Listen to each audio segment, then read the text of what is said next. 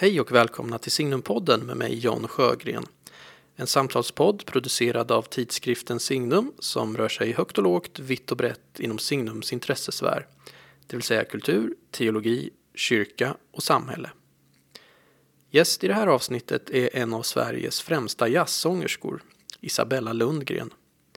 Isabella är känd för sin unika röst och en särskild intensitet och närvaro i sina framträdanden. Hennes musik bär också på en utpräglat andlig dimension och för Isabella går sökandet efter Gud och utforskandet av musikens djupaste källor hand i hand. Det blir ett samtal om musikens förunderliga språk, om skapandets villkor, om Billie Holiday, Frank Sinatra, Joni Mitchell, Bob Dylan och Gustav Mahler. Hoppas ni ska finna samtalet intressant.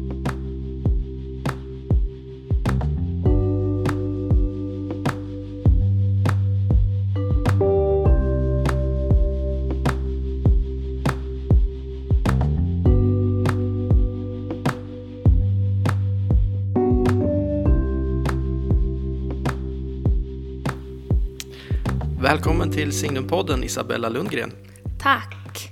Eh, ja, men jag måste börja med en sån här fråga som jag brukar fråga alla som är intresserade av musik och sådär när jag träffar dem. Vad, vad lyssnar du på just nu? Just nu så lyssnar jag på Odetta. Mm. Som är en amerikansk blues och gospel, folksångerska Mm. som jag upptäckte via Bob Dylan som Just det. älskade henne. Just det, såklart. Mm. Och sen lyssnar jag också särskilt mycket på Mahler, men det gör jag alltid. Mm. Men jag har en Mahler-period igen. Ah. Ja, jag är också Mahler-fantast, men det var länge sedan jag hade en period. Jag är också så här periodare. Mm. Men har är det någon särskild symfoni som du är inne i nu eller är det liksom ett bara drunknar i hans stora värld? Ja, det gör jag. jag förstår. Ja, men nu har jag Ja. lyssnat på um, andra symfonin. Mm. Var det ingången för dig? Det var det för mig. Ja, var det det? Ja, det var den första. Som jag... När hörde du den? Kommer du ihåg? Ja, det kommer jag ihåg jätteväl. Det var en eh, påsk, en påskdag eh, där mina föräldrar bor. Så eh, hade firat påsk där. Och sen, de bor jättefint ute på landet och finns jättebra så här, promenadstråk där. Eh, och så hade jag eh, flera vänner som var jätteintresserade av Mahler och sa du måste lyssna på Mahler och hade just att men tvåan passar dig också. Liksom, där med, den, liksom, med, med min kristna tro. Så, där. så då satte jag på mig hörlurarna och så gick jag en lång promenad där. Och, eh, den varade, den är ju typ en och en halv timme och det var liksom ungefär så lång promenaden var. Eh, men jag kommer ihåg att jag höll på att precis komma tillbaka, liksom där i, i liksom när finalen är som starkast. Så då var jag tvungen att sätta mig ner på en bänk där och bara liksom lyssna färdigt. Och eh, nej, jag var helt, eh, helt tagen, alltså helt förkrossad nästan av den musiken. Så det, det, ofta är det så här överdrivet när man säger ja, men det där konstverket, det där det förändrade mitt liv. Men Mahler 2 gjorde det. Det finns ett före och ett efter Mahler 2 så är det. Eh, jag tror det här var kanske 20, ja det kan vara 10, 10 år sedan. sådär. Jaha. Fantastiskt. Jag, jag förstår dig. Mm. Jag, jag har också jag har ett före och efter, men det är med nian. Ja, den är ju liksom svårare. Eh, Men ja, berätta, när, när hörde du den? Ja, men jag... ehm, Det var, det var inte alls särskilt länge sedan heller. Jag tror att det var fem, sex år sedan. Ehm, och ehm, jag- tror att jag... Det, var- det var någon bok som jag, som jag läste där det bara var någon... Det var liksom en referens till nionde symfonin. Eh, och så tänkte jag, okej, men jag, jag har ingen relation till Mahler alls. Nu, jag ska lyssna på den här. För- då också när jag, när jag liksom gick in och googlade och läste och förstod hu, hur många referenser och också många delade åsikter det fanns om det här verket. Och sen dessutom bakgrunden Visst. till den, i vilken kontext han skrev den och var han var när han skrev den. Och det är en sån här, eh, det för mig, Rilke har gett mig eh, liksom den definition som jag använder för att avgöra huruvida jag tycker om något eller inte. mm, låt och det eh, är ju, Rilke skrev, all bra konst är sprungen ur nödvändighet. Mm, mycket bra. Ja, och det, det, precis så, det, det känns sant för mig. Och allt som jag älskar kan jag liksom placera i den där ur nödvändighetskategorin. Och det här är ju verkligen, nian är verkligen ur nödvändighet. Ja. Och det var också så där, jag lyssnade och sen satt jag bara och grät hysteriskt. Ja, Sista satsen där som bara försvinner. Det bara tar slut. Ja. Eh, Alltså, man märker det knappt. Man Nej. försvinner ut i evigheten. Och, Ja. och, och kontexten här är ju just att det är liksom han... En del vet jag har, har så här bråkar om, visste han att han skulle dö och sådär. Men, men det gjorde han väl.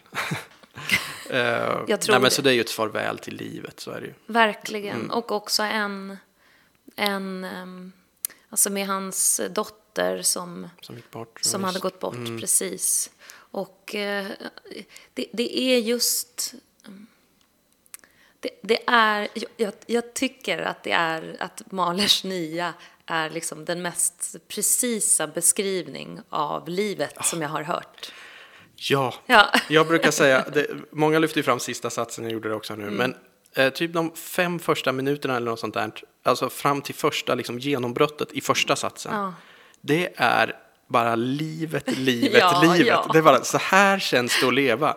För att det är, det, och det är också den mest vad ska man säga, komplexa, mångtydiga musik, ska jag säga. Mm. Den mest mångtydiga musik jag vet, som är så, alltså, det är så vackert och Mm. smärtsamt och liksom jublande och alltså, Ja. allt på samma gång. Jag Verkligen. förstår inte hur han har gjort Nej, det. Hur kan han få musik att låta, liksom, känna så mycket och på så många olika sätt samtidigt? Ja, verkligen. Så det är nästan mitt absoluta favorit Mahler-parti. Det är liksom första, Mm. första delen av första satsen. Jag tycker det är helt otroligt. Mm, verkligen. Och precis, precis just det där att, att, att det är så sällan som, alltså hur långt ett stycke musik eller en, ett litterärt verk eller en, en film, en berättelse än är, så, så känns det väldigt ofta som att man får liksom ett fragment av vad det är att vara en människa eller att leva.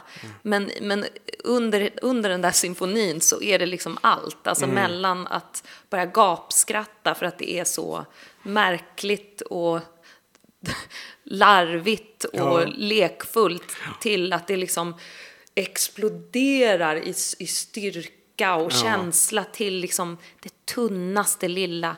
Det är också, jag vet inte vilken av satserna det är, men när plötsligt det har gått från eh, liksom, alltså, det- harmoniskt och klangmässigt så är det bara all over the place. Och det dundrar och åskar och sen så spelar violerna unisont. Visst. Alltså, Nej, det, det, han, är, han jobbar ju ofta med det där liksom, jättestora, Mm. liksom, med stora orkestern. Och sen tar han ner och blir nästan kammarmusik ett Ja. tag. Och så här. Det är otroligt. Ja, ja nu fastnar vi med alla Ja. här direkt. Det är typiskt. men jag vill också fråga dig, alltså, det var det vad du lyssnar på just nu. Men vad, vad arbetar du med just nu? Är du inne i någon inspelningsfas, någon ny platta? Eller vad, vad jobbar du med nu? Ja, jag har precis gjort klart en skiva. Nej, jag har gjort klart tre skivor faktiskt. Som jag, har hållit på, ja, som jag har på med länge. Den ena av dem, det är min musik. Jag har inte liksom, det är låtar som jag inte har vetat vad jag ska göra av i flera år. Är det dina egna låtar? Eller? Ja, precis. Och jag har inte, jag skriver hela tiden men jag har liksom letat på något vis efter eh, formen och sammanhanget för det. Så den skivan är, är klar. Och sen har jag två andra skivor som mer är i linje med det som jag brukar göra som är liksom den klassiska amerikanska jazzrepertoaren. Mm. Spännande. När kom, kommer de nästa år? Eller? Mm. Ja. ja. Alla tre? Förmodligen inte. Nej, det blir för mycket. Får portionera ut det lite. Exakt. Ja, men ska vi gå tillbaks lite till början kanske, tänker jag. Alltså, när föddes ditt musikintresse? Har du något minne av när du eh, först liksom blev drabbad av musik? Det har jag. Berätta. Ehm, Ja, men jag var...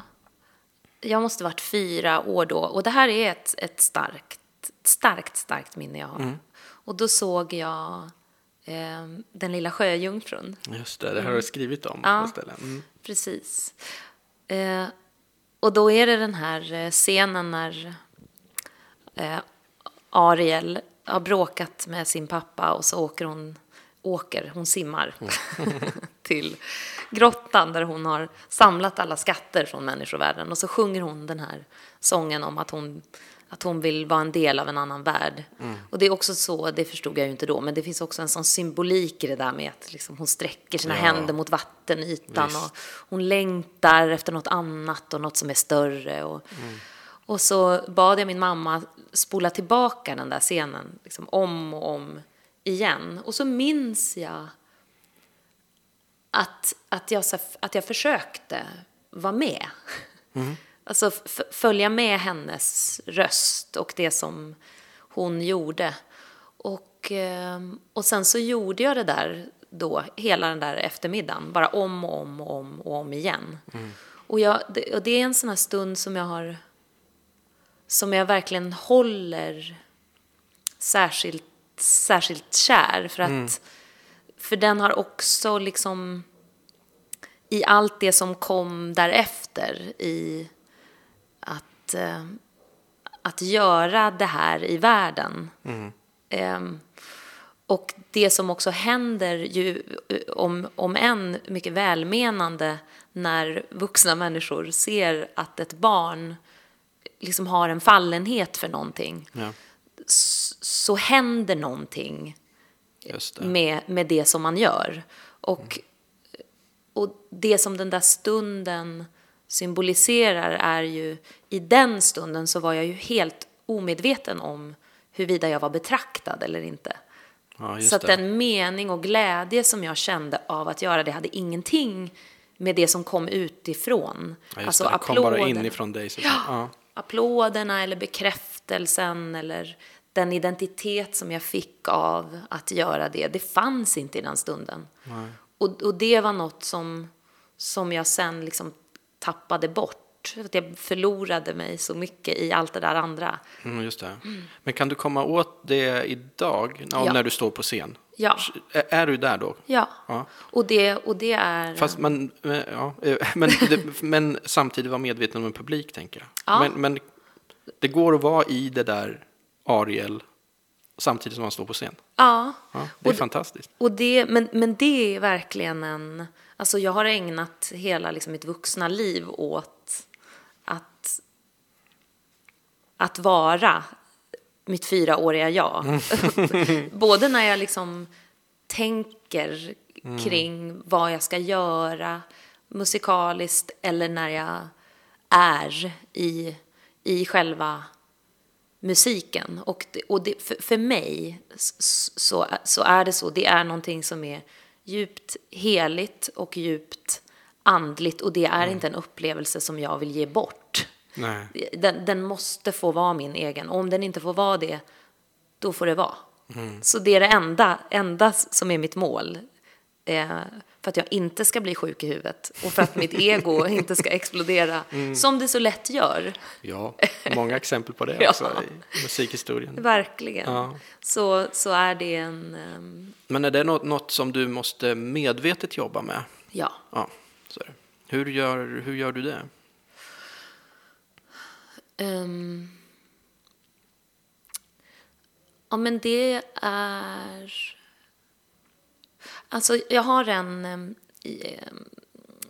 jag, läs, jag, jag fick ju för mig en period att jag skulle bli präst.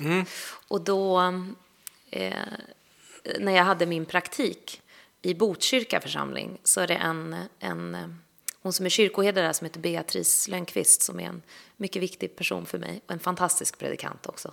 Hon, eh, jag skulle ha, jag skulle ha, jag, skulle, sk- eh, jag hade skrivit ett bredelseord som jag skulle läsa på högmässan på söndagen. Och så ställde jag mig liksom i, i mittgången när jag läste det där. Eh, Och så gav hon mig några kommentarer efteråt bara om, om för vi, vi övade då inför högmässan, eh, på vad jag hade skrivit. Och sen och sen så sa hon bara, men varför står du där? Varför står du där du står? Och då sa jag, nej jag vet inte. Jag... Alltså, på närmare församlingen. Och så sa hon, ja men, men du skymmer korset. Det. Mm, de, Du ska peka dem dit. De ska inte se dig. Och, och för mig är det en...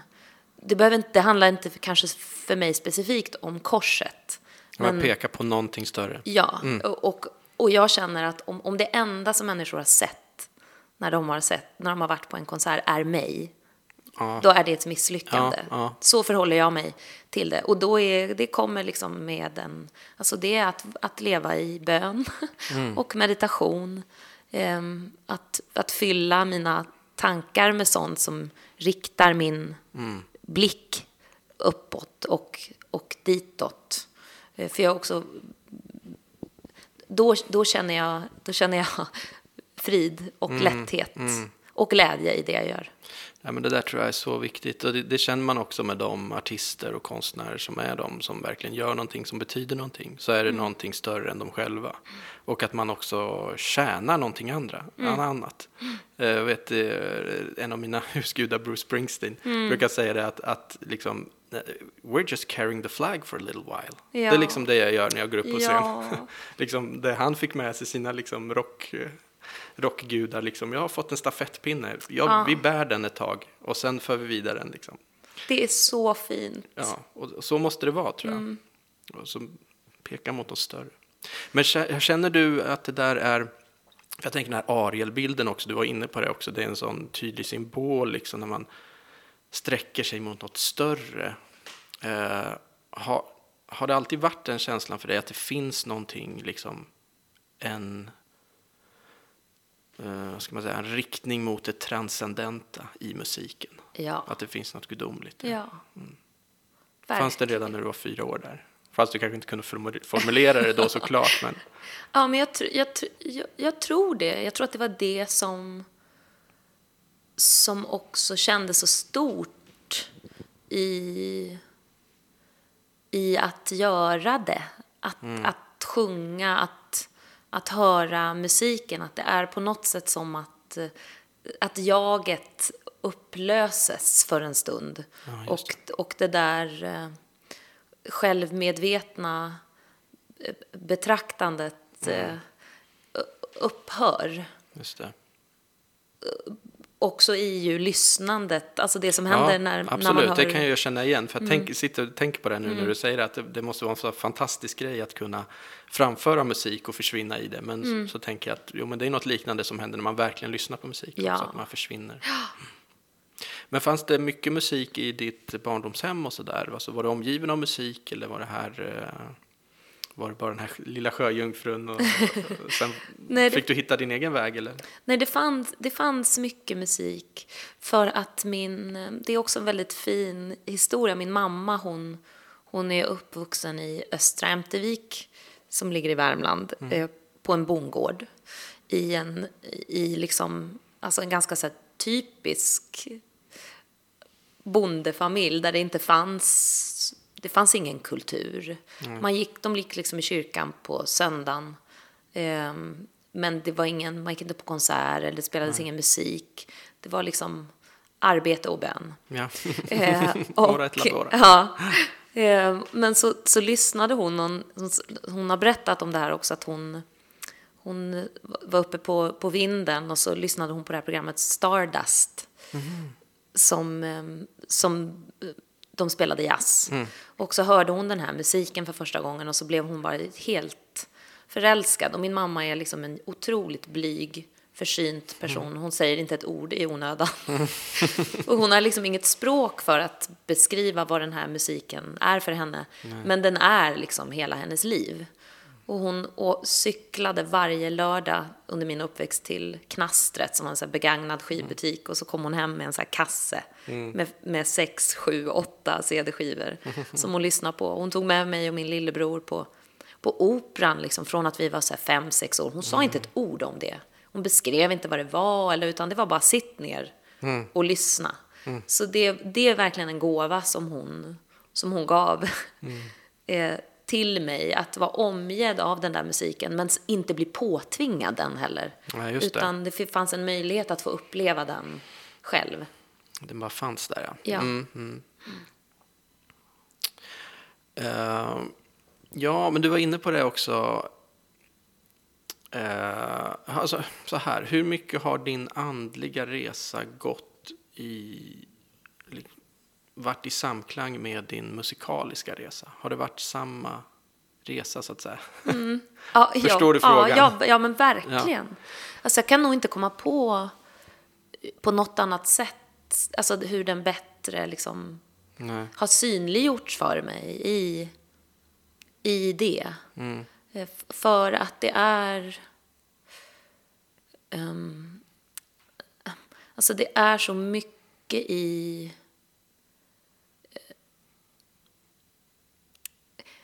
det- är så mycket som, som synliggörs också i en själv. Eh,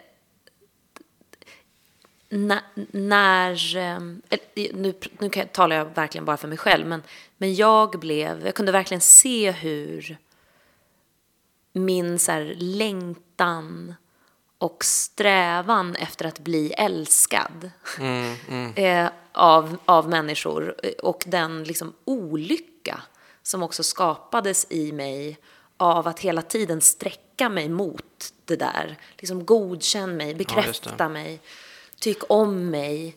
ehm, se mig och sen jag, jag, jag, jag, jag, jag, jag, jag, Just det. jag hela tiden. Och det som också drogs fram i mig av det, alltså missundsamhet, avundsjuka, eh, häftiga, liksom giriga begär som jag inte alls liksom visste vad, vad ska jag göra med de här?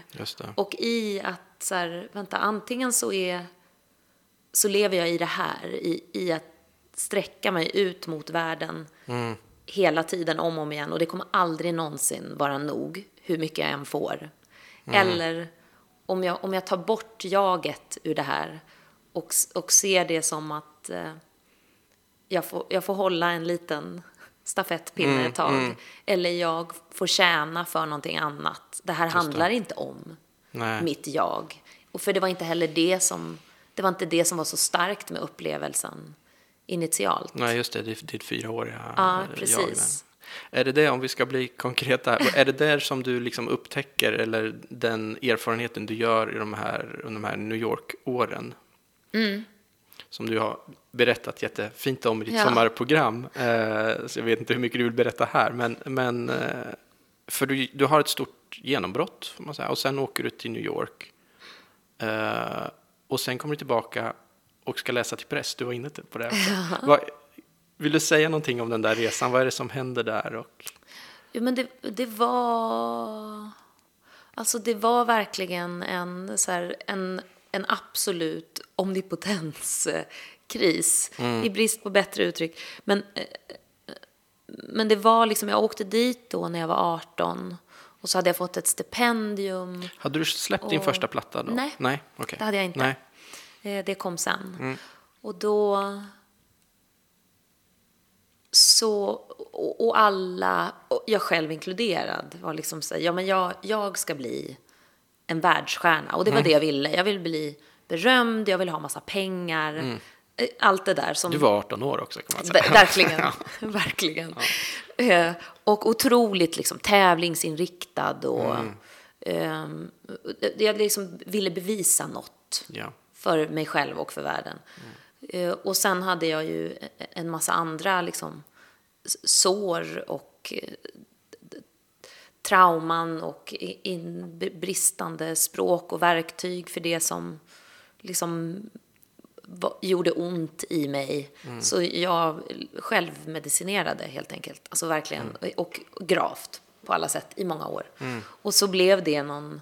Eh, alltså jag blev hemlös, jag blev förlorade det där stipendiet, jag gifte mig med en man som var lika trasig som jag när jag var 19.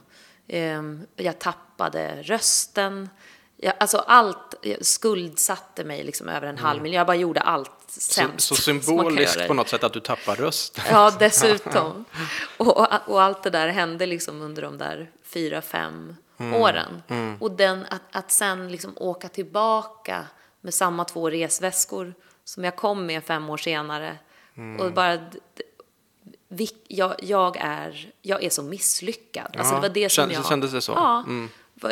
Och jag skämdes. Alltså jag kan, det går inte ens att, jag kan liksom inte kommunicera den så djupa, djupa skam av, alltså vad trodde jag om mig själv? Varför trodde jag att det där skulle, och gud vad har jag gjort? Och, s- och, och då någonstans i, i den där själens dunkla natt så liksom öppnades det också upp för att sträcka mig mot någonting annat. Så då, då skulle jag ändå säga att jag fick liksom kontakt på riktigt med det där som alltid hade, hade funnits. Och då började den där resan med att så här, okej, men om jag ska göra det här, då måste jag ha, jag måste göra det på ett annat sätt och jag vet inte hur, men för jag förstår att jag måste göra det.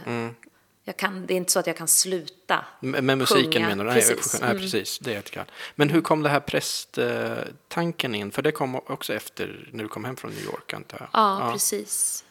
Men då tänkte du att det kunde finnas liksom parallellt på något sätt? eh, Ja, ehm, verkligen. Och eh, just den så här, alltså jag älskar, älskar människor och eh, eh, ville, letade också efter det sätt som jag kunde känna, att jag, eller att jag kunde vara till tjänst i världen Just det, just det. på något sätt. Men, men det var också en så här absolut ADHD-grej. Okej, nu har jag blivit nykter och Ja, tror på Gud, då blir jag präst. Ja, just det. Det var inte Just så det. Nej.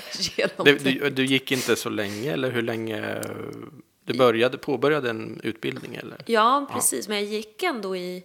Jag gjorde också antagningen i, i Svenska kyrkan och blev antagen prästkandidat och sådär. Okej, mm. Och, men, men sen någonstans när, därefter när jag hade fått liksom ett ja och det ändå så började röra sig mer mot... Att det kunde bli Ja. en verklighet, så att säga. och Då, då ställde jag mig själv verkligen frågan på riktigt. Så här, vänta, är det här... Är det här verkligen min kallelse? Är, är det här jag ska vara? Kommer jag, kan jag bära den här kragen på det sätt som jag, jag tycker att man ska bära den? Ja, ja, visst.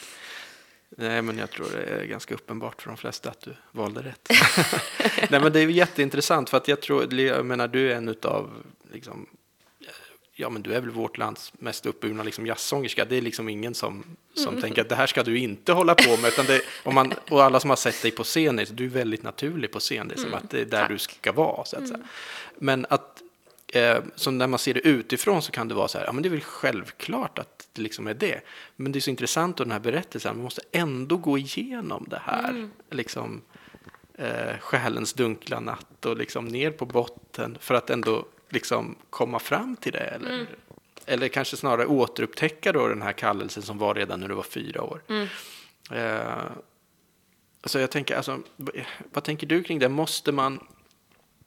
För det finns ju någonting också i det här att, eh, ja men som en av dina stora idoler, Billie Holiday, som ju man känner när hon sjunger, att hon verkligen har levt det hon sjunger. Och det känner man med dig också. Men är det så att man måste också, för du har ju verkligen, gjort det då, men måste man liksom ner på botten där liksom? Måste, eller måste man åtminstone ha sett så att säga djävulen på ryggen åtminstone, för att ha någonting att sjunga om? Ja, det där... Det, för det tycker jag är svårt. Alltså, Ja. att, mm, Vad är, vad, är det, vad är det du tänker om det, att det är svårt? Nej, men ah, för att eh, jag tror att det finns många exempel på konstnärer som eh, liksom inte har eh, gått igenom den liksom, typen av resa som du har gjort. Alltså man måste inte ner på liksom, den absoluta botten.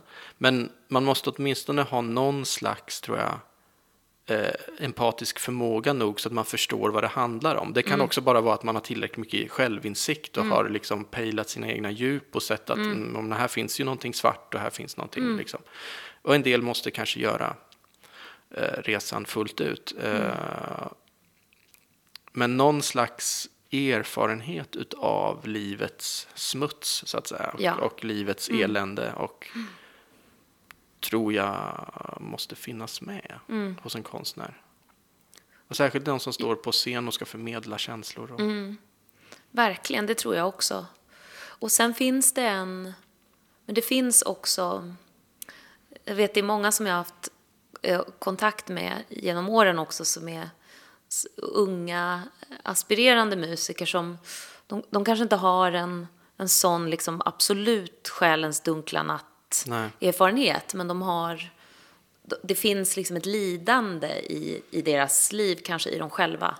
Och jag har haft samtal med dem när de, när de är nästan rädda för att göra upp med det lidandet för att de tror att om de gör det så, så kommer någonting liksom tas ifrån dem. Och då, då blir jag, vill jag alltid vara en så här uppläxande mamma. Att nej, det finns ingenting du kan förlora av att reda ut knutarna i dig själv. De, Nej, de kommer liksom tillföra ännu ett djup. Och det finns ju någon, jag tror att den också kan om, om man ser liksom hur, hur det skrivs om vissa av de här stora lidande konstnärerna, att det är så destruktivt att romantisera för mycket kring det. Men jag är helt med dig på så vis att, att det måste i alla fall finnas en, alltså en nyfikenhet, alltså ett, eller ett mod inför att så här, gå till botten med saker i, i sig själv och eh, i det man ser med världen. Jag tänker att det är på något vis,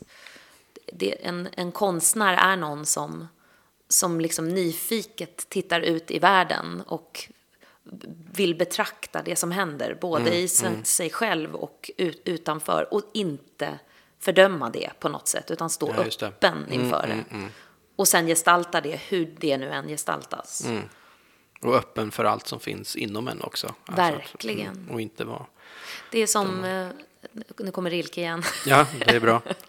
han, eh, eh, han har en sån, jag, jag älskar den, hans, hans, han, det eh, jag kan den inte på svenska, men det är typ eh, If we think of this existence as a larger or smaller room, it becomes evident that most people get to know only a corner of their room, a strip of floor of which they walk up and down, up and down, up and down.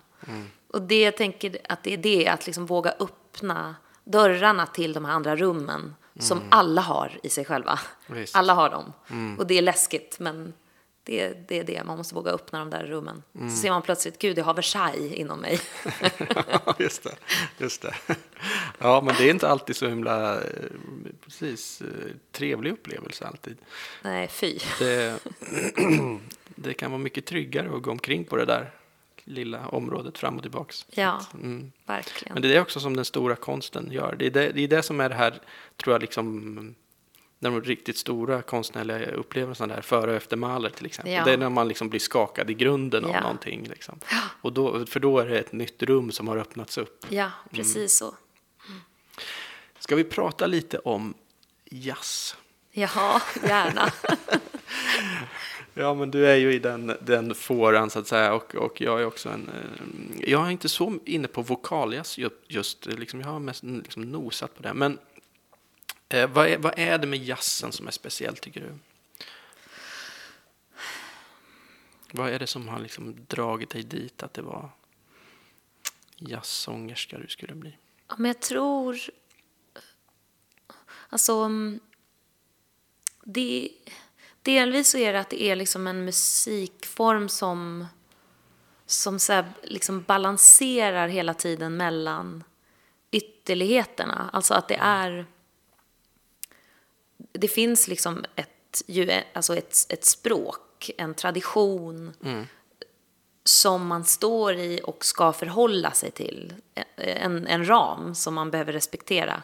Men, men det finns också oändliga friheter inom ramen och inom traditionen. Och det är någonstans också det som är, som är, som är liksom essensen i jazzen. Att, att hitta sitt, sitt eget absolut liksom unika tilltal och röst. Ja, men visst. aldrig på bekostnad av traditionen eller ramen. Mm. Och jag, är, jag, jag, tycker, jag tycker om eh, jag tycker mycket om att förhålla mig till det som har varit innan mig och stå i en tradition. Det är liksom meningsskapande att göra det. Men det är heller inte så, det, det finns inte en sån rigiditet att nej men du måste frasera så här, du måste nej, göra på det här nej, nej, sättet. Utan det finns fortfarande en frihet att ta det där och forma det.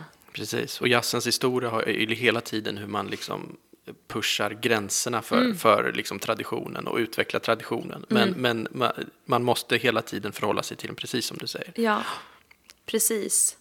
Och, där, ehm, och just när det kommer till det vokala ehm, så, är, så är det också, eh, alltså det är en, så som, som mina idoler, alltså Sinatra eller Judy Garland eller Ella Fitzgerald eller Sammy Davis eller Billie Holiday och jag kan liksom listan är oändlig.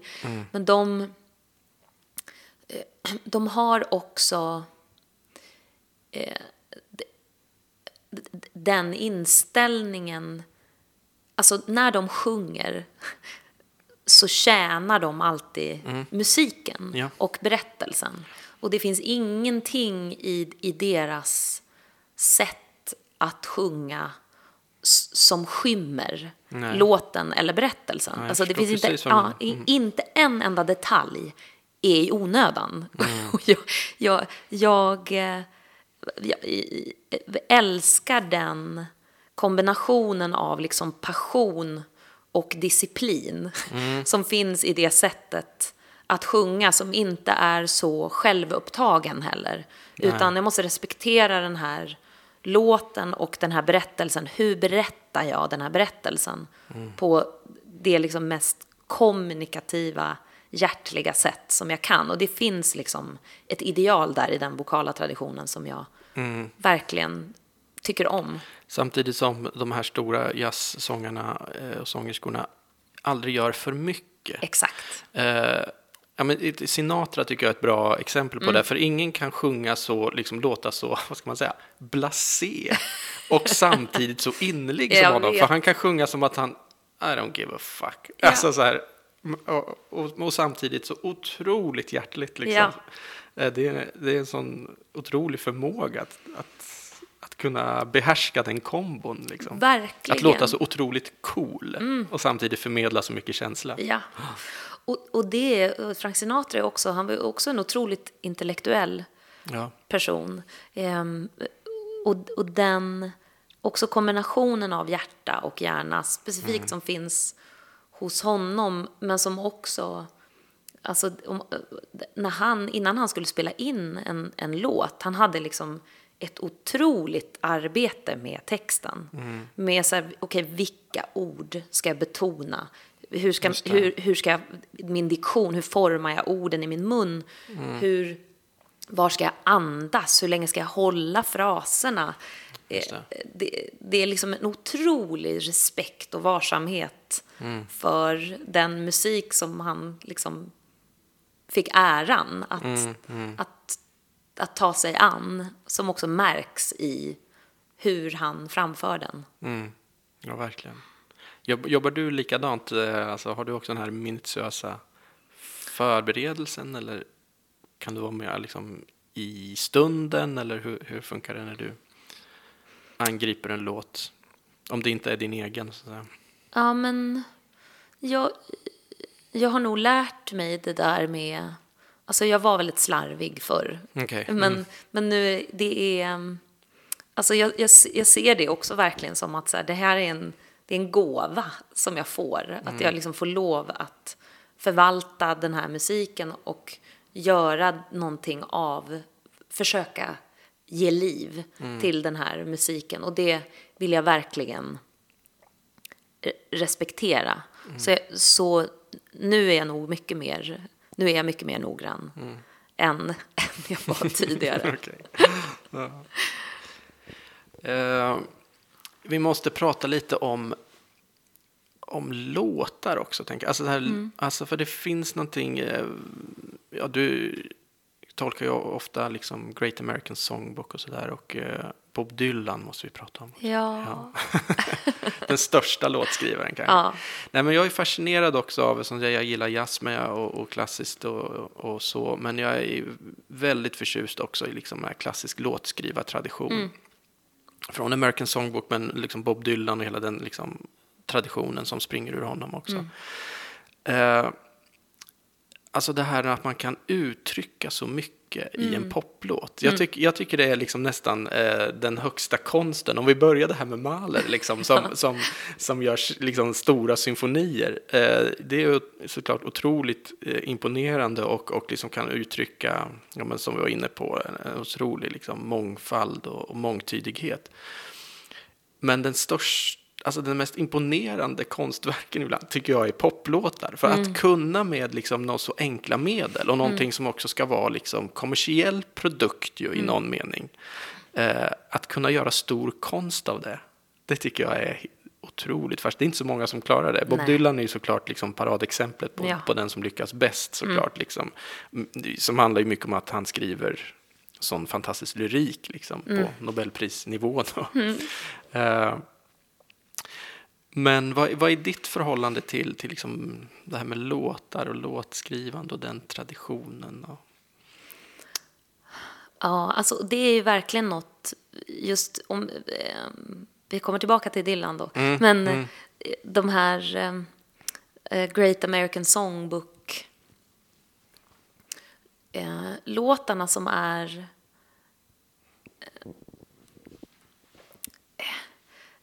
Alltså, jag, jag är ju alldeles liksom för lat för att lära mig hur man skriver en, en, en sång på det sättet. Men du har ju skrivit en hel del själv också. Ja, men det är liksom...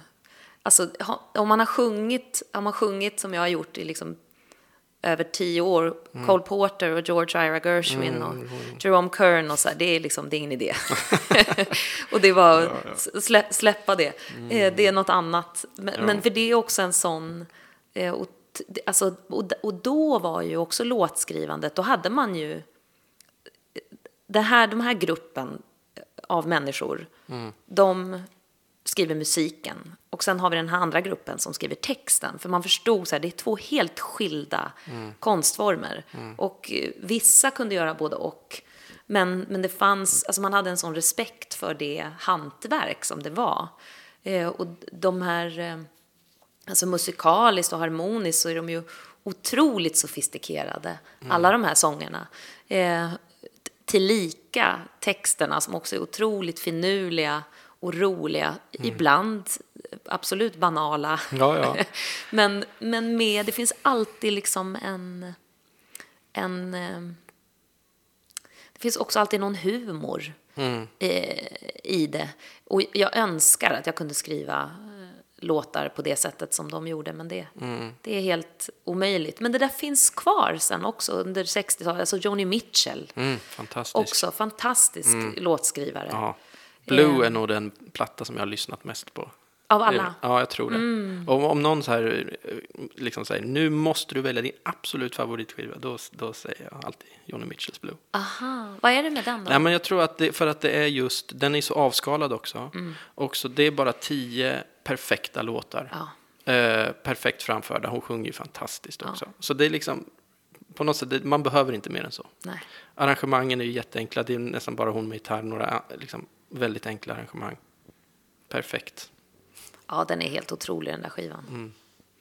Helt otrolig. Mm. Och så mycket ja, men känsla. Och, ja, nej, men det är fantastiskt. Men det, men det är också det, det här är något som jag har liksom har velat eh, prata om, men som, som jag finner så fascinerande med just den musik som, som kom liksom ur amerikanska sångboken och som blev stora hits. Och det, det här, de här sångerna kom ju liksom Eh, De skrevs ju nästan alla för filmer eller för musikaler och var då också ganska så här operettiga, Just det. Mm. eh, fyrkantigare. Lite, och, lite melodramatiskt. Liksom, Ja, här, ja. exakt. Och Lite, sen, ofta sentimentalt. Liksom. Mm. precis. Och sen så liksom tog alla, liksom från Coltrane till Miles till Ella till Sinatra, de här sångerna, och gjorde dem till någonting helt annat, gav dem en helt annan färg, ett helt annat uttryck. Och sen liksom har de fortsatt leva på det sättet i liksom 450 olika varianter. Men de här, det, det finns liksom en tråd i alla de här sångerna som då under tiden som de kom, det var ju liksom höjden av så här industriali in, industrialiseringen, av liksom det framväxande här, kapitalistiska ekonomiska nyttotänket i, i, i USA eh, och konsumerandet och alla de här låtarna, alltså alla låtar handlar om raka motsatsen till det. Alltså jag, jag har liksom det, och, och, all, och alla på något sätt, utan att vara så explicit religiösa, men pekar mot det där ja. andra textmässigt. Att liksom, ja men, lär dig älska det du har. Var, var, var tacksam för det lilla som, som redan finns. Eh, f- försök liksom sträva inte för mycket. Det, det finns något så djupt andligt och eh, själsligt förkovrande Ja, i... ja visst. Och det finns eh, ja, men en låt som du också har, har sjungit in och har starkt förhållande till. Du har ju gjort en Judy Garland-repertoar. Eh, som sagt, om någon frågar mig så här, vilken är världens bästa album, då säger jag alltid Johnny Mitchells Blue. Om någon säger, du måste säga vilken som är den bästa låt som har skrivits, då säger jag alltid, det är Over the Rainbow. Ja. För där har vi det här att det är en, den är ju banal i någon mening. Mm. Alltså precis det du sa, att det, det finns liksom banalitet i det. Eh, samtidigt, så- alltså en, ett barn kan förstå den. Ja. Men det pekar också mot Ja. det här bortom. Alltså att, för där har vi det här med att en popsång är, liksom kan vara så enkel Mm. och samtidigt så djup. Ja. Jag kan inte lyssna på den låten utan att bli liksom gråtmild varenda Nej. gång. För att det, är liksom, det, det, det slår an någonting och det talar till vår djupaste längtan Ja. efter liksom något transcendent och något ja, mot, ja, men mot Gud skulle jag säga då. Ja. Eh, men gör det på ett så enkelt sätt så att en treåring kan förstå det. Ja. Det, är, eh, det är en svår och stor konst att Amen. göra. Ja. Amen. Eh, verkligen. Och, det, och den är också... Eh, det, det är också så roligt med de här låtarna för att alla de här sångerna har ju verser Mm. som, som inte liksom spelas in längre. De, de sjöngs i de här musikalerna. Och Over the Rainbow har en helt fantastisk, Mm. fantastisk vers. Och den är liksom, bara den bilden, på tal om det som du sa, den börjar med eh, When all the world is a hopeless jumble and the raindrops tumble all around, heaven opens its magic lane. ja, men underbart. Ja, Varför sjunger ingen den? ja. Och sen slutet. If happy little bluebirds fly beyond the rainbow, Why I? oh why can't I? ja. Nej, men det är ju, det är ju perfekt.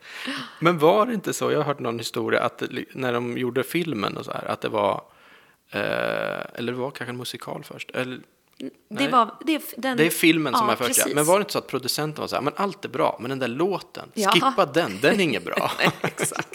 Idag är det ju liksom, filmen är ju halvglömd, eller, där, Mm. ja. men det är liksom låten som är det stora mästerverket. Mm, då ser man hur någon med dåligt omdöme Ja. kan beröva Precis. världen. Precis.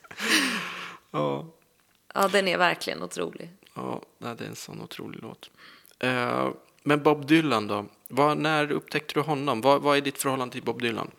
Du har ju spelat in en del Dylan. Jag satt nu på tåget och lyssnade på, på din Dylan. Eh, du gör, inleder det albumet med en av mina absoluta favorita Dylan-låtar som of- eh, många sällan lyfter fram. Den här You're gonna make me lonesome when you go. Ja, Det är en sån otrolig ja låt. jag älskar det. Men du gör den jättefint. Du liksom, för det är en ganska snabb, kort låt på, på Blood on Tracks. Men du liksom drar ut den lite grann. Eh, ett helt annat arrangemang. Jättefint. Mm, tack. Men berätta om ditt förhållande till Dylan. Ja, men jag, alltså jag upptäckte också Dylan enkom för att jag, jag var kär i en kille som hette Anton. som var så här eh, på gymnasiet i Karlstad, han var ett år äldre än mig. Och Han var så här, eh, han lyssnade på The Smiths och hade skinnjacka och rökte Mm. cigg och hade så här Nietzsche-bok i bakfickan. Och, Ja, ja, ja. Jag förstår. Ja, jag, har, jag- jag har också varit sån. Du har varit sån? Ja, du vet. Och jag var liksom, jag var liksom en och 45 och hade munsår och lyssnade på Doris Day. Och, alltså jag var verkligen inte en cool tjej. Men då jag, när jag förstod så här, okej Dylan nämner han hela tiden. Vem är det här?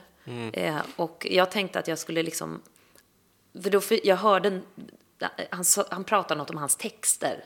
Liksom, och de är så långa och bla bla bla och det finns ingen som han. Och Då tänkte jag, okej men min väg in här till honom det är ju, om jag bara lär mig några av de här texterna, för jag har ett bra minne så jag lär mig fort. Så kan jag, då kan jag liksom lite så här casually, du vet, droppa några rader här och där och så, kom- då kommer han bli kär i mig. Impa på honom. Ja, och då, så då köpte jag bara från så här cdon.com. Mm, Just det, den tiden Ja. köpte det. Ja. Då köpte jag sex skivor och det var de sex första eh, skivorna. Vilka är det? Fram till Blond on Blond kanske? Ja, Eller? precis. Och, ehm, och så kom de hem och sen så satte jag mig liksom framför CD-spelaren med ett mål. Men det var något som bara hände i mig då, så där som det gör ibland. Men gud, vad, vad är det här? Vad är det som händer? Vad är det han säger? Och, och jag, efter den här, då var jag 16 tror jag. Och då hade jag liksom, jag hade så här två A4 pappersark med bara så här massa referenser, alltså namn på så personer. Jag inte hade någon aning om det var ord. Jag aldrig hade hört innan, platser som jag inte visste vad det var. Eh, liksom, eh, och, och s- s- så åkte jag till biblioteket i Karlstad, så var det någon gullig bibliotekarie som bara hjälpte mig. Och sen satt jag där och läste liksom Arthur Rimbaud och T.S. Eliot och lyssnade på Odetta och Mm, det finns så mycket referenser. ja, man- alltså det var bara som en, han öppnade liksom en hel värld för mig. På tal om att göra musik som inte bara pekar mot en själv. Visst. Utan det är verkligen, alltså hans musik är som ett så uppslagsverk. Ja, av- ja, ja. Det är en, Och så mycket, ja men tillbaks mot liksom amerikansk musikhistoria. Han är ju som ett liksom, han sammanfattar ju amerikansk musik på något sätt. Ja, verkligen. Och, och sen i också att så här, försöka förstå den här personen som han är. Ja, det går ju inte. Nej. Nej, det går inte. Men det är som en... ehm, ehm, eh, alltså, det, det, det är verkligen...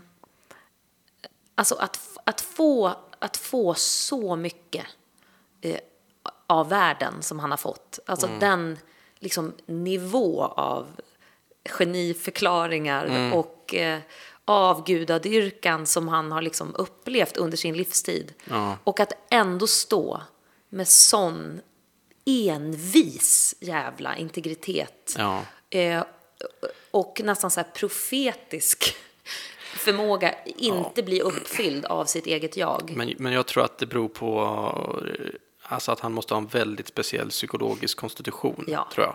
Alltså, Verkligen. nu vill jag inte säga det här hemska ordet diagnos som man bara slänger ja. sig med hela tiden. Men du vet, ha- jag tror att han måste vara väldigt speciell. Att det, är liksom, det, det ankommer honom inte liksom på något sätt tror jag. Nej. Det där. Och, och att han, eh, han eh, är så liksom det han håller på med är det som är viktigt. Hans konst är det viktiga. Ja. Alltså han tror mer på låtskrivandet än på liksom någonting annat. Mm. Vilket jag han sa någon gång när han fick någon fråga eftersom han han kom ifrån judisk uppväxt så hade han sin kristna period och så här så var det någon som frågade honom någon gång, ja, men hur är det nu då? Är du jude, är du kristen eller vad det är?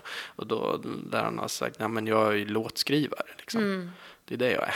Ja, och eh, hans tro kommer till uttryck genom hans konst i så fall. ja visst. Och det tror jag han... Jag vet ju, vet ju inte om han har behövt kämpa för det. Men jag tror egentligen att han kanske inte har behövt det så mycket. För jag tror det faller sig naturligt för honom. Ja. Att, att liksom det är det här jag gör som är det viktiga. Verkligen, det tror jag, det tror jag också. Men, men det är också som en, alltså i, ehm, i, i också alla intervjuer som försöker, som, som, som försöker liksom lyfta fram honom som något han inte vill vara. Så han, han tar liksom alltid det, det samtalet. Jag vet, han är också någonstans medveten om, för det är ju en svår, svår konst generellt, men jag tror också att det är naturligt för honom. Men just att inte, att inte bli eh, fastlåst i, i, i liksom sitt eget jag, som det är så lätt att bli när man blir en sån stor artist. Visst. Utan att också någonstans alltid vara medveten om, han fick den frågan på någon så presskonferens, jag tror att det var på 80-talet, ehm, om så här, vad, men hur ser du på, hur ser du liksom på musiken eh, och, och musikvärlden idag? Och då så sa han så här, jo men, alltså jag vet att, det är min hund, Ja. Hej Kraken. Eh, som, jag vet att om jag skulle kommit fram idag så hade det inte, jag vet inte hur det hade gått. Jag vet inte hur jag hade, vad jag hade fått för plats i, i världen Nej, eh, nej. under en sån här period. Så han är också medveten om att allt inte kretsar enkom kring honom och hans gåva och hans talang. Och så är, så är det ju. Han kom ju i en tid då liksom, allt var ju rätt, så att säga. Allt Ja. var förberett för honom i någon mening. Att han skulle komma då. Och, men, men sen är han ju, det är ju svårt det här, alltså för att jag, det att han har fått så mycket, liksom, fått så mycket av världen som du sa, så geniförklarad. Men, och jag brukar alltid vara väldigt så här, restriktiv med geniordet. Men Bob Dylan tycker jag måste man säga att han är ett geni. Ja. Och det beror på också vad man menar med geni. Men med geni menar jag med en begåvning som är liksom i någon mån nästan eh, oförklarlig. Ja. Alltså så här, han, han liksom plockar upp en gitarr och bland de första låtar han skriver är Blowing in the Wind. Som är liksom en helt fulländad låt. Ja. Alltså det, det är ju någon, det är en överbegåvning liksom. Ja. Det är ju ett geni. Och sen 60-talet bara exploderar ju det med det han gör liksom. Och han, ja, det är ju något liksom Mm. som är bortom vanlig begåvning så att säga. Verkligen. Sen har jag en, en parallell, jag, jag, jag vet inte vad du säger om det, men, men jag tänker ofta på Bob Dylan och Miles Davis som väldigt likartade konstnärer. Eh, för de är, eller jag tycker de, jag, jag förhåller mig till dem eh, på samma sätt lite grann, för de är för mig så här outtömliga. Eh, Miles hade ju också det här, liksom, ah, förändrades hela tiden. Och, och Miles är också en sån här hel värld man kan gå in i och det finns olika perioder och liksom varje period är nästan liksom helt ja, jätterik. Liksom. Och jag tycker det är likadant med Bob Dylan, att man kan återvända till Bob Dylan hur många gånger som helst och man upptäcker hela tiden något nytt. Så tycker jag det med Miles också, man kan liksom dyka in i Miles 50-tal eller hans sex- 60-tal med Second Great Quintet eller liksom hans elektriska perioder. Det, liksom, det är alltid som en hel värld att gå in i. Och så tycker jag med Bob Dylan med, att man kan liksom gå in i hans 60-tal och vara där och det är outtömligt. Sen går man in i liksom hans 70-tal också. Även hans 80-tal är fantastiskt rikt och ända in till liksom det han gör idag. Verkligen. Och, och ja. jag älskar de där konstnärskapen som är så liksom breda och rika och outtömliga. Och det, det verk- tycker jag Miles är också. Ja, verkligen. Ja, men precis. De är liksom, de gör så konstant revolution. Mot sig Mo- själva. Mot sig själva, precis. Verkligen. Och det finns en så här, det är också ett tecken på ju att det inte bara finns en, en vilja att förbli relevant. U- Utan att säga, nej men jag måste följa den här impulsen i mig som vill upptäcka Just det. det här. Ehm, som vill gestalta det här nu som har förändrats i mig eller hänt i mig. Eller som, hur, bara ska jag göra av det här nya rummet i mig själv som Just jag har hittat? det. Hur ska det liksom ta sig uttryck i mitt konstnärskap? Det finns verkligen, jag förstår det precis, det finns verkligen i dem Mm. båda. Det är samma med en pianist som Keith Jarrett till exempel. Just det. Mm. Som också har som också har det där. Mm, som ju jobbar med Miles en del, kort, kort period. Ja. Eh, precis. Ja, för han har ju också sin liksom, de här ganska, ja men han har ju sin liksom friasperiod som är ganska Mm. eh, intensiv. Och sen har jag de här, han spelade solopiano i Kölnkonserten och sådär. Ja. Och en av mina favoritskivor med honom som, eh, som heter The Melody at Night with You. som, eh, det är också solopiano, han spelar bara ballader, standardlåtar. Eh, otroligt liksom anspråkslöst och, och skört och känsligt. Och det var efter en, en period hans fru hade varit jättesjuk. Och ehm, han hade inte spelat på jättelänge. Och sen så ville han spela in då den här skivan till henne så han bara satte upp mickar själv i sitt vardagsrum och satte sig och spelade de här låtarna Okej. på flygen hemma. Den är otroligt fin. Är den, här det är lite senare då? Ja. ja. Ja, Den måste jag kolla upp. Ja, du kommer gilla den tror jag. Han, Keith var väl ungefär, lite som Miles också, en ganska klurig person tror jag. Visst var det så? Det är, det är liksom en, en sån här...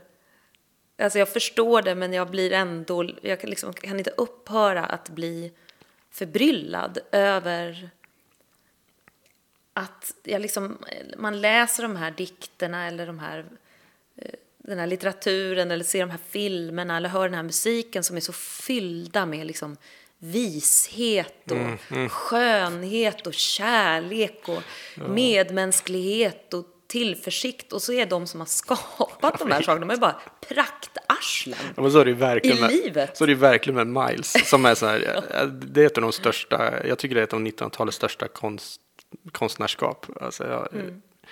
eh, älskar verkligen Miles. Men ja, jäkla jobbig person han verkar ha Ja. varit. Alltså.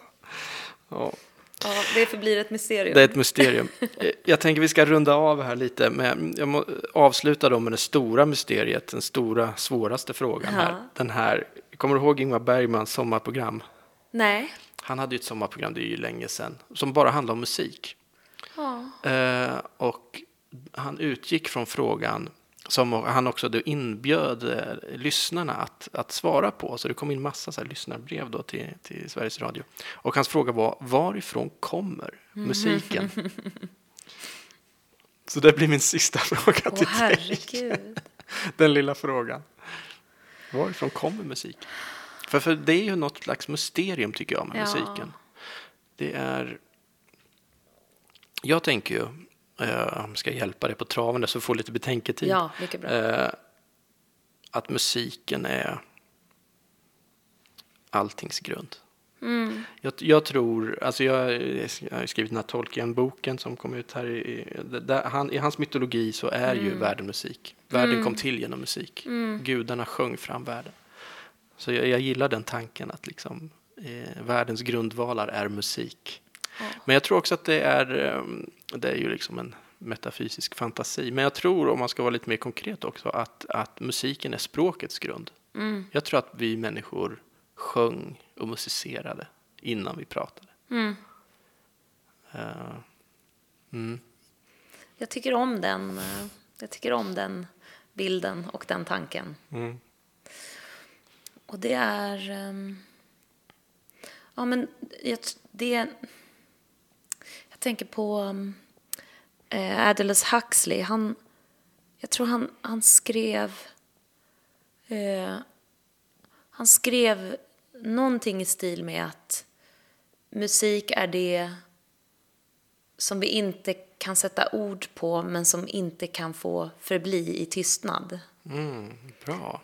Ja, och jag, det, det, det, det fångar det, det, det fångar något för mig. Eh, Och det kanske, det kanske är något som det inte går att säga varifrån det kom heller, men mer att det är något som, som liksom ur den existentiella nöd som vi alla lever i, måste bara måste få, få liv. En del av oss som måste få liv och som måste få komma till uttryck på det där mysteriska, eh, liv, liv, livgivande sättet som musik gör.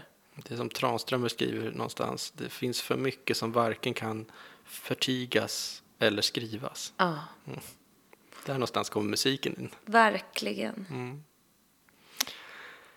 Vi låter det bli avslutning här. Ja. Tack så mycket Isabella Lundgren för att du gästade Signumpodden. En glädje, tack. Och tack alla ni som har lyssnat och lyssna gärna på oss igen i nästa avsnitt. Hej så länge!